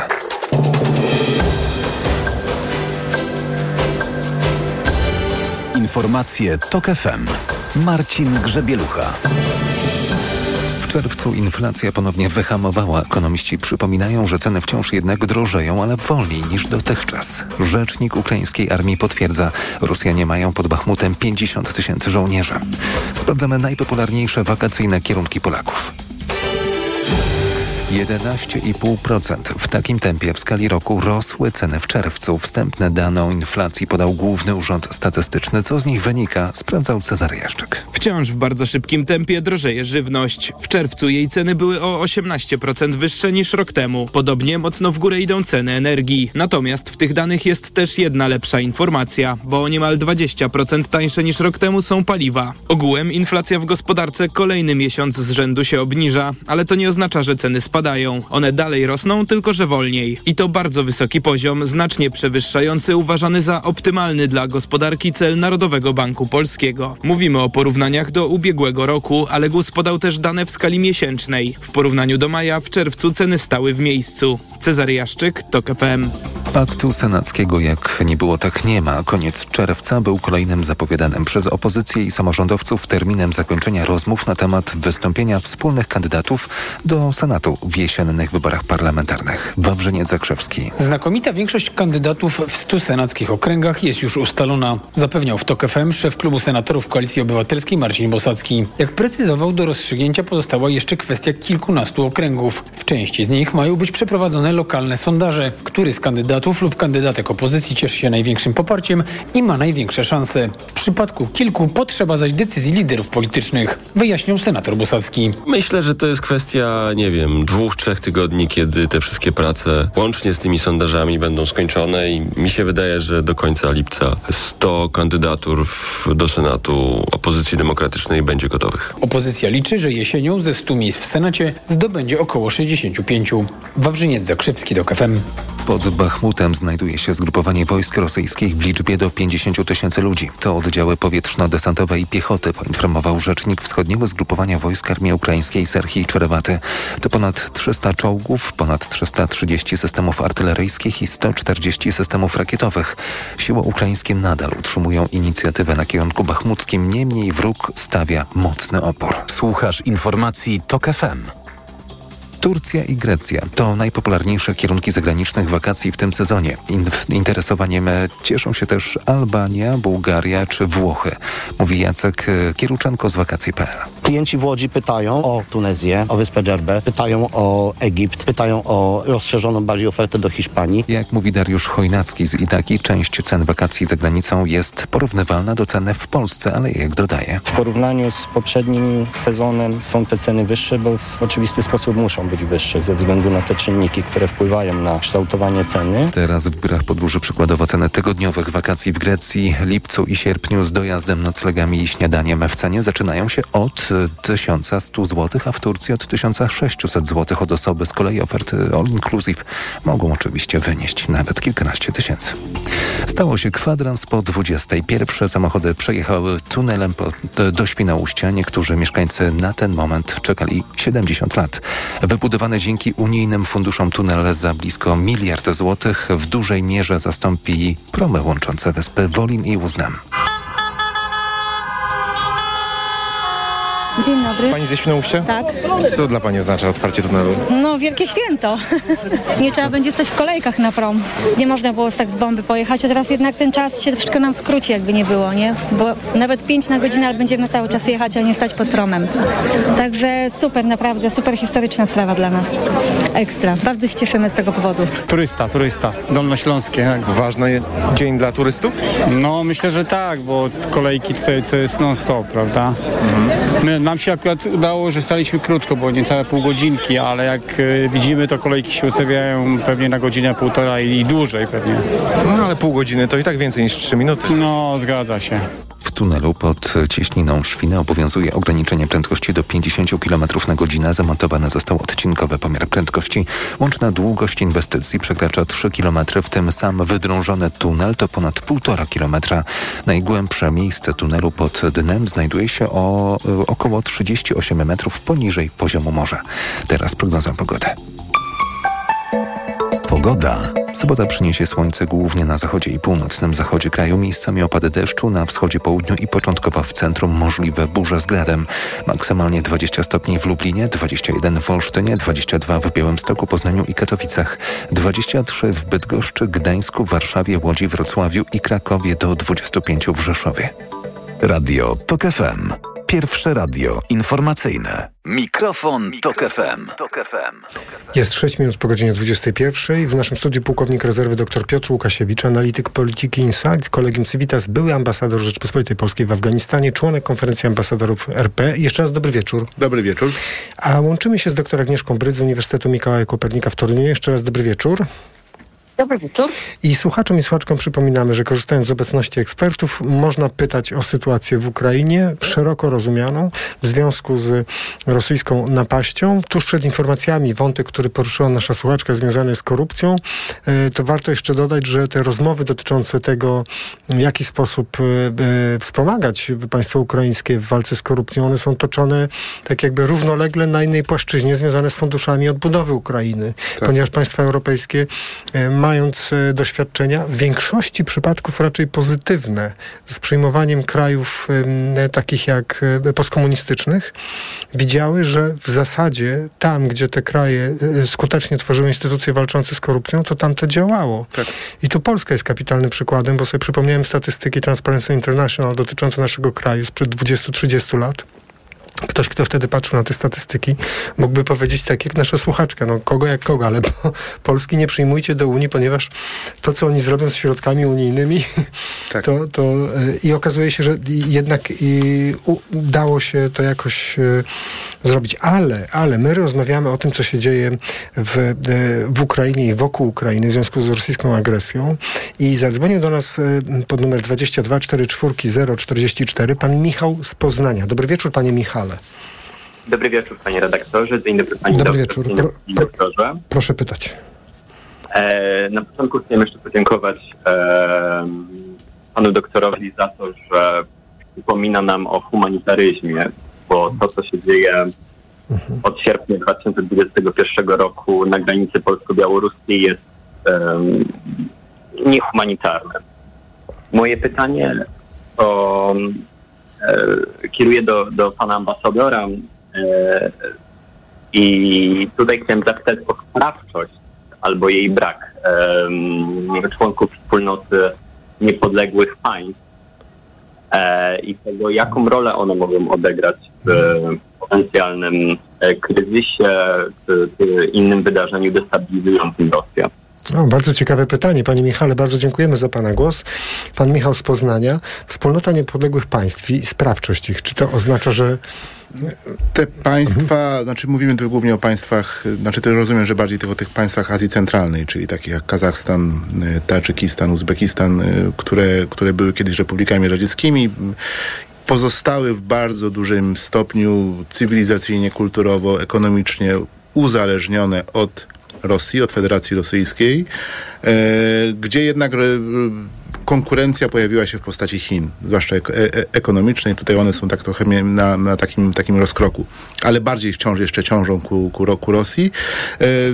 E, jeśli chodzi o kryzys, który, e, ten mini kryzys, czy też pełny kryzys, bo tu różnie można na ten temat mówić, który ogarnął Rosję, a w zasadzie Moskwę i Kreml w, tydzień temu, tam pojawiły się ze strony przywódców bodajże Kazachstanu i Tadżykistanu informa- stanowiska, które wskazywały co ciekawe, że to jest wewnętrzna sprawa Rosji, nie sympatyzując ani z jedną, ani z drugą stroną. Zdaje się, że te kraje po prostu, te państwa przyjęły po prostu postawę wyczekującą, nie do końca będąc przekonanym, co się w Rosji dzieje. Ale to, to, to pan jako dyplomata może powiedzieć, w, w jaki sposób to interpretować. A to, to, znaczy na Kremlu by sobie życzono, żeby te kraje potępiły puczystów, tak? No prawdopodobnie tak. Jeśli miały być takimi pełnymi No klientami, no to powinny, powinny się opowiadać po, po, po, po, stronie, Mhm. po stronie Putina. Przypomnę znowuż tutaj takim z tych serii zaskoczeń e, z piątku, piątku i soboty ubiegłych jest to, że e, takim e, przyjacielem Putina okazał się prezydent Turcji Erdogan, Recep Tayyip Erdogan, który zadzwonił, który rozmawiał z Putinem i zapewniał go o przyjaźni i o wsparciu.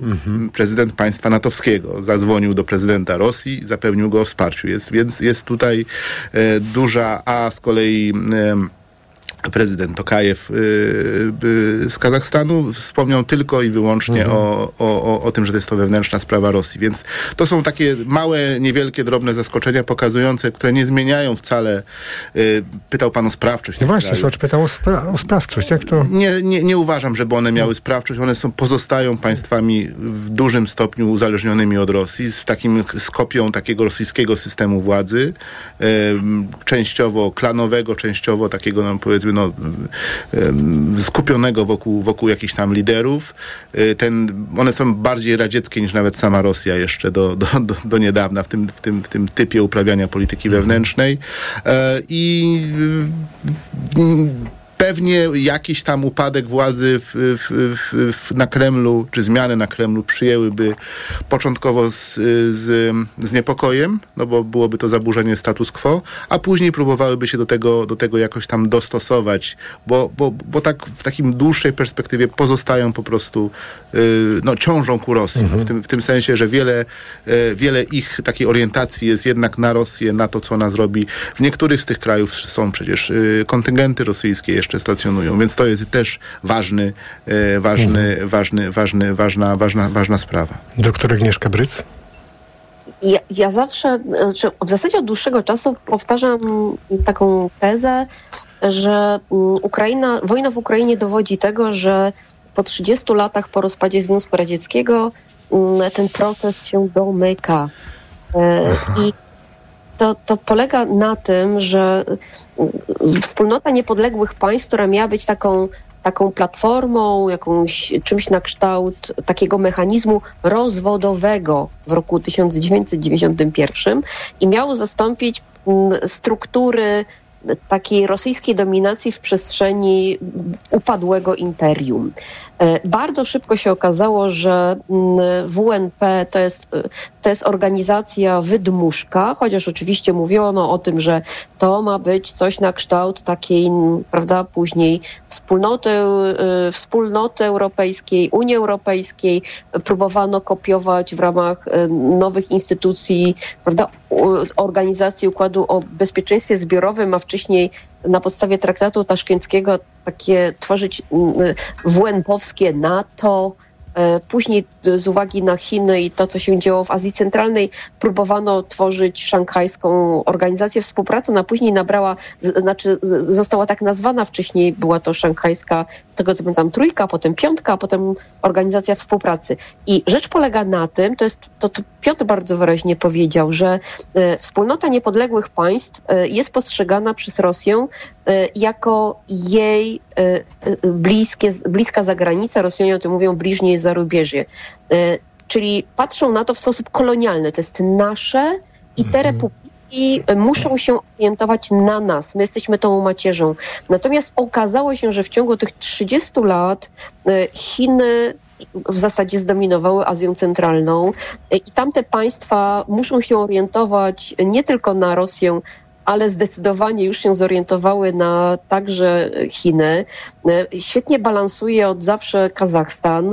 E, Te malutkie republiki jak Kirgistan i Tadżykistan, one w zasadzie przyglądają się temu, co się dzieje w regionie. E, Zobaczmy w, w, w, na obszarze samego Kaukazu południowego. Gruzja jest odbijana od, przez Rosję, to prawda, to jest, to jest porażka polityki naszej, europejskiej i zachodniej, Mhm. ale otwiera się nowy rozdział związany z Armenią, która oczywiście jest uzależniona geopolitycznie, e, jest w dramatycznej sytuacji pod tym względem od Rosji, ale ona wyciąga wnioski, zresztą tak jak pozostałe republiki byłego Związku Radzieckiego, one wyciągają wnioski, że prawda? E, e, Rosja nie jest państwem takim modelowo atrakcyjnym. To, co może zaoferować, to przymus, interwencje i prawda, mieszanie się w sprawy wewnętrzne. I te 30 lat pokazało, i to Ukraina tego dowodzi, że można wyrwać się z rosyjskiej strefy wpływów, oczywiście różnym kosztem Ukraina płaci za to najwyższą cenę, ale faktem y, y, y, jest i to namacalnym, że Rosja traci tam swoje wpływy. Odpłynęły jako pierwsze państwa bałtyckie, y, odpływa Ukraina, Mołdawia y, trzyma się całkiem nieźle, Białoruś, zobaczymy jak się sprawy, mm, jak, jak, jak się z Rosją sprawy, prawda, rozwiną, czy, czy będziemy mieli kryzys władzy w Rosji i na przykład ustąpi, czy dojdzie do zmiany na Kremlu. Y, y, y, Kaukaz Południowy też tam się bardzo ciekawe procesy dzieją, więc krótko mówiąc, e, te państwa ciągle są w trudnej sytuacji i w trudnych relacjach z Rosją. Często tak, to jest relacja przymusowa, e, natomiast one się nauczyły funkcjonować coraz bardziej suwerennie i one się po prostu prawda, suwerenizują, to znaczy one emancypują się w stosunku do Moskwy i ten proces będzie się pogłębiał. A wtedy, kiedy, i to jest ostatnie zdanie, e, w tych republikach język rosyjski przestaje być takim lingua franca, to wiemy, że ten proces ostatecznie się No tak. E, pod numer 22 44 044 zadzwonił do nas pan Krzysztof z Wrocławia. Dobry wieczór, panie Krzysztofie. Dobry wieczór, słuchamy pana. Dobry wieczór Państwu. Ja chciałem wrócić do tego, o czym była mowa na samym początku, do zapisów tego memorandum i chciałem do obojga ekspertów takie, takie pytanie.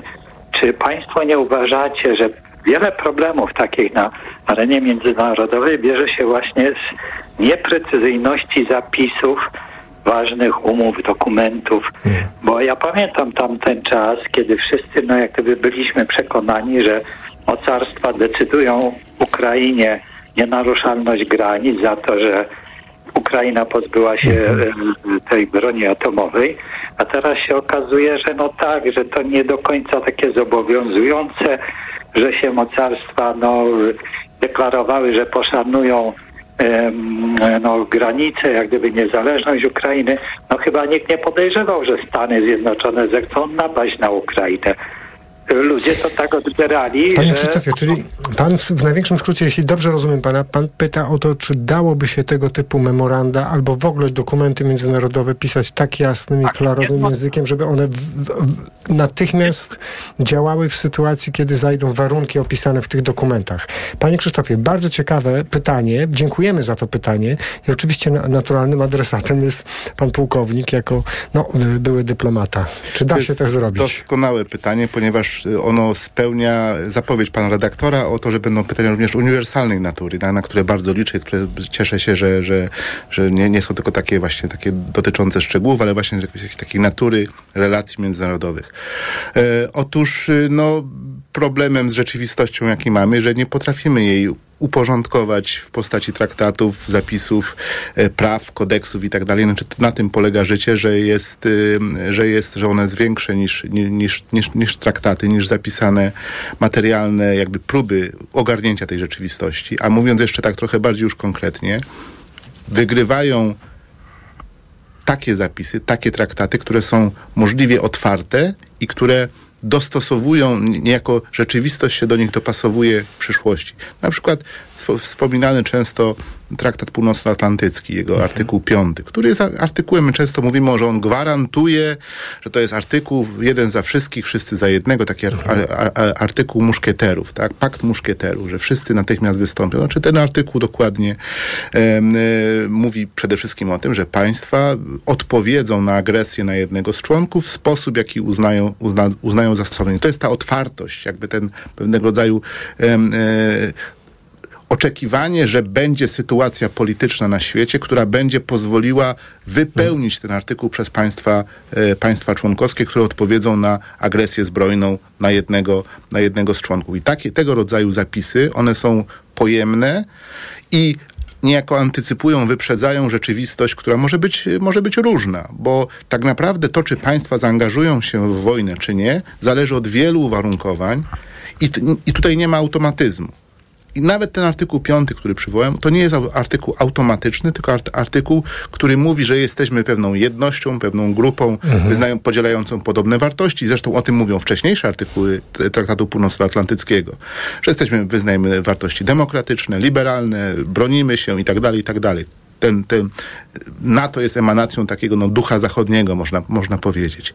I to nas tak naprawdę łączy i to sprawia, że myślimy o artykule 5 o traktacie jako czymś, co gwarantuje już tym razem naszą, nasze, nasze, nasze bezpieczeństwo, czyli wspólnota wartości, wspólnota interesów, wspólnota no, europejsko, powiedzmy amerykańska, czasem często się mówi wspólnota euroatlantycka, transatlantycka, jest tak naprawdę fundamentem tego, że traktat jest jakby na, na to nałożony i on daje, no, pewien, nigdy nie daje stuprocentowego spokoju, czy też poczucia, poczucia spokoju, poczucia bezpieczeństwa, ale jest radykalnie je poprawia. Ale to panie profesorze, ja rozumiem, że głos pana Krzysztofa z, z, wyrażający zaniepokojenie, to teraz pan Krzysztof, który do nas zadzwonił... Jeszcze się bardziej zwraca, niepokoi. Tak, jeszcze bardziej się niepokoi, bo ja pana rozumiem w ten sposób, że oto pewien kontekst, nie zawsze zwerbalizowany w formie jakiejś umowy, to on dopiero nadaje sens tym zdaniom, które mamy w traktatach i umowach. No ale tak, oczywiście, znaczy pewien kontekst wypełnia te, te, te, te traktaty, ale również proszę zwrócić uwagę, no, że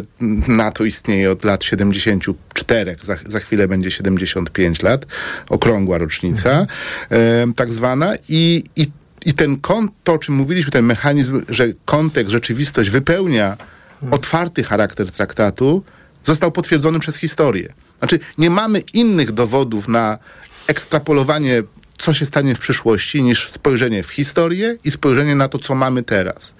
My inaczej się, no właśnie, to jest ta uniwersalność, tej, tej, tej, to zagadnienie niemalże z jakiejś filozofii polityki międzynarodowej w tym, w, tym, w, tym, w tym momencie. Nie mamy innych możliwości upewnienia się w tym świecie bardzo chaotycznym, czasami, czasami bardziej, czasami mniej, ale jednak chaotycznym, nieprzewidywalnym, niż poleganie na, to, na naszym doświadczeniu i poleganie na, na strukturze, którą stworzyliśmy mhm. na bazie tego, tego, mhm. tego doświadczenia. Bardzo... Mamy traktaty, mhm. mamy tak. artykuł tak. 5, mamy gotowość Amerykanów, Niemców, Brytyjczyków, Polaków do wspólnej obrony. I to jest to, co no, w moim przypadku to budzi duże, duże, duże upewnienie. Ja wierzę w to, że to się wydarzy. Mam nadzieję, że nasz słuchacz y, również jest przekonany o tym, że Polska powinna te wartości wypełniać po to, żeby być członkiem tej rodziny, która sobie w tym większym wymiarze daje pewnego rodzaju gwarancje bezpieczeństwa, których w innej sytuacji nie mamy po prostu. Bardzo mnie ciekawi, co doktor Agnieszka Bryc na, na to pytanie naszego słuchacza, pana Krzysztofa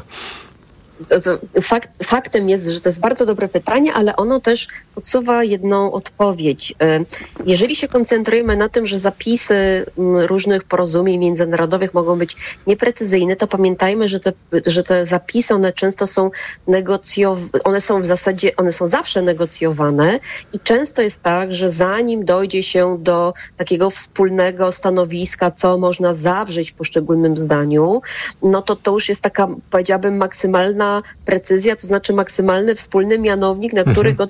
wszystkie kraje. Jest to też często, często to jest pierwszy problem, który generuje później konsekwencje, a druga kwestia to jest taka, że mm, później państwa, które podpisują mm, porozumienia, traktaty, memoranda, one raz, jeżeli to są tak zwane twarde traktaty, to znaczy te, które muszą być prawda, wdrożone w prawodawstwo krajowe, czyli ratyfikowane, one muszą przestrzegać tych zobowiązań, a memoranda i inne deklaracje fakultatywne nie mu, to znaczy one powinny być przestrzegane, natomiast tu nie ma takiego, prawda, przymusu, tu nie ma reżimu, prawda, nie ma tych klauzul reżimowych. I problem polega na tym, że mamy takie państwa, na przykład jak Rosja, które podpisują y, traktaty porozumienia, podpisują nawet Kartę Narodów Zjednoczonych, czyli taką swoistą konstytucję międzynarodową, a potem w sposób dowolny, to znaczy w sposób bardzo świadomy i cyniczny, te porozumienia łamią, czyli jakby ja nie widzę problemu w samych zapisach, bo jeżeli państwo nie jest przekonane względem, względem dokumentu, które podpisało, to nie ma woli do pełnienia tych zobowiązań. E, I to jest klucz sprawy. Wola dotrzymywania hmm. tych zobowiązań, pod którymi się podpisaliśmy. Jeżeli popatrz, da, damy przykład Kartę Narodów Zjednoczonych, no to w, w artykule pierwszym, ja nie będę cytowała kart, Kartę Narodów Zjednoczonych, ale powiem jedno, że w artykule pierwszym, e, tam gdzie są wymienione cele ONZ-u, mamy utrzymać międzynarodowy pokój i bezpieczeństwo, e, e, między innymi poszanować suwerenność e, państw członkowskich i Rosja tego świadomie nie robi, interpretuje to w, w, w, w mhm. taki dla siebie sposób, więc to znaczy dla siebie sposób tak pokrętny, że wychodzi na to, że Rosjanie nie łamią karty Narodów Zjednoczonych, łamie mm, ją Zachód, y, a Rosja ma pełne prawo napadać na państwa sąsiednie. Więc to, to, to na tym polega problem, że mm, nie wszyscy chcą realizować te dokumenty, pod którymi się podpisali. E, doktor Agnieszka Bryc, bardzo dziękuję za e, tę odpowiedź. E, czas kończyć nasz program. Bardzo dziękuję wszystkim słuchaczom i wszystkim słuchaczkom, którzy dziś dostarczyli naszym ekspertom wątki i pytania. Niektóre z nich naprawdę bardzo interesujące. A naszymi gośćmi byli pułkownik rezerwy dr Piotr Łukasiewicz, analityk Polityki Insight, kolegium Civitas, były ambasador Rzeczypospolitej Polskiej w Afganistanie, członek konferencji ambasadorów RP. Bardzo dziękuję za dzisiejszy Dziękuję, dziękuję również słuchaczom za ciekawe pytania i żywą, żywą rozmowę. Doktor Agnieszka Bryc, Uniwersytet Mikołaja Kopernika w Toruniu. Dziękuję bardzo. Dziękuję bardzo i również się pod tym podpisuję. Bardzo dziękuję e, jeszcze raz wszystkim słuchaczom za wzięcie udziału w dzisiejszym programie. Za, 20, za 33 minuty o 22. Informacje. Po nich, skoro dziś piątek, to yy, Czarek Łasiczka zaprasza na swój program Interluda. Dzisiaj jego gościem będzie Łukasz Drewniak, krytyk teatralny, e, wykładowca Akademii Teatralnej w Warszawie. E, za chwilę książka na głos, a za dzisiejszy program dziękują Małgorzata Wołczyńska i Karolina Kłaczyńska, które przygotowywały dzisiejszy program. E, Małgorzata Wołczyńska go wydawała. Krzysztof Olesiewicz, który go realizował i Paweł Sulik, który go prowadził. Do widzenia, dobranoc. Mikrofon, Mikrofon Tok FM. Tok FM. Tok FM.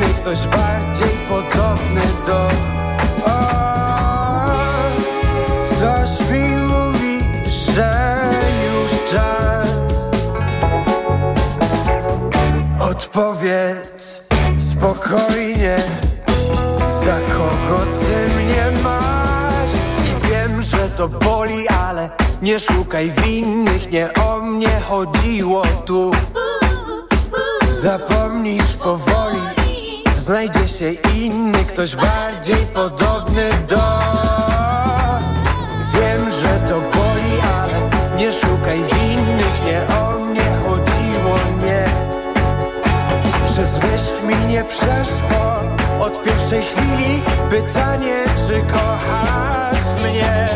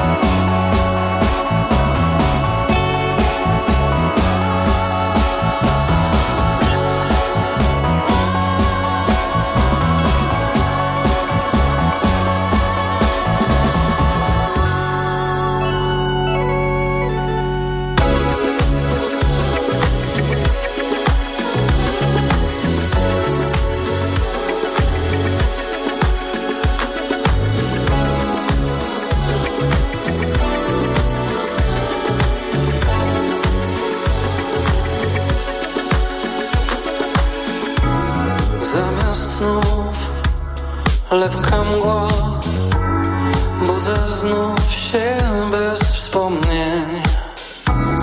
Inna ty, inny ja i ktoś.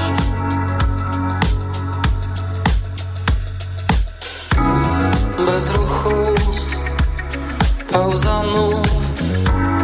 Choć zastygły nam uczucia. Słyszę kroki, co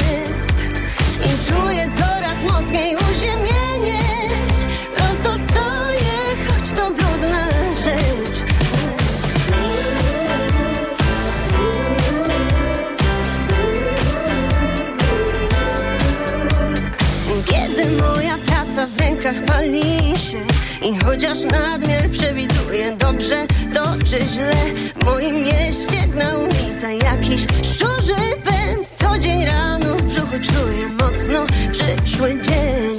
Każda norma ma odstępstwa, przecież wiesz Jestem pewna, że to wszystko co za normą jest Skazane na lawinę pytań niewygodnych stert Pozwól sam siebie zapytać lepiej być czym jest.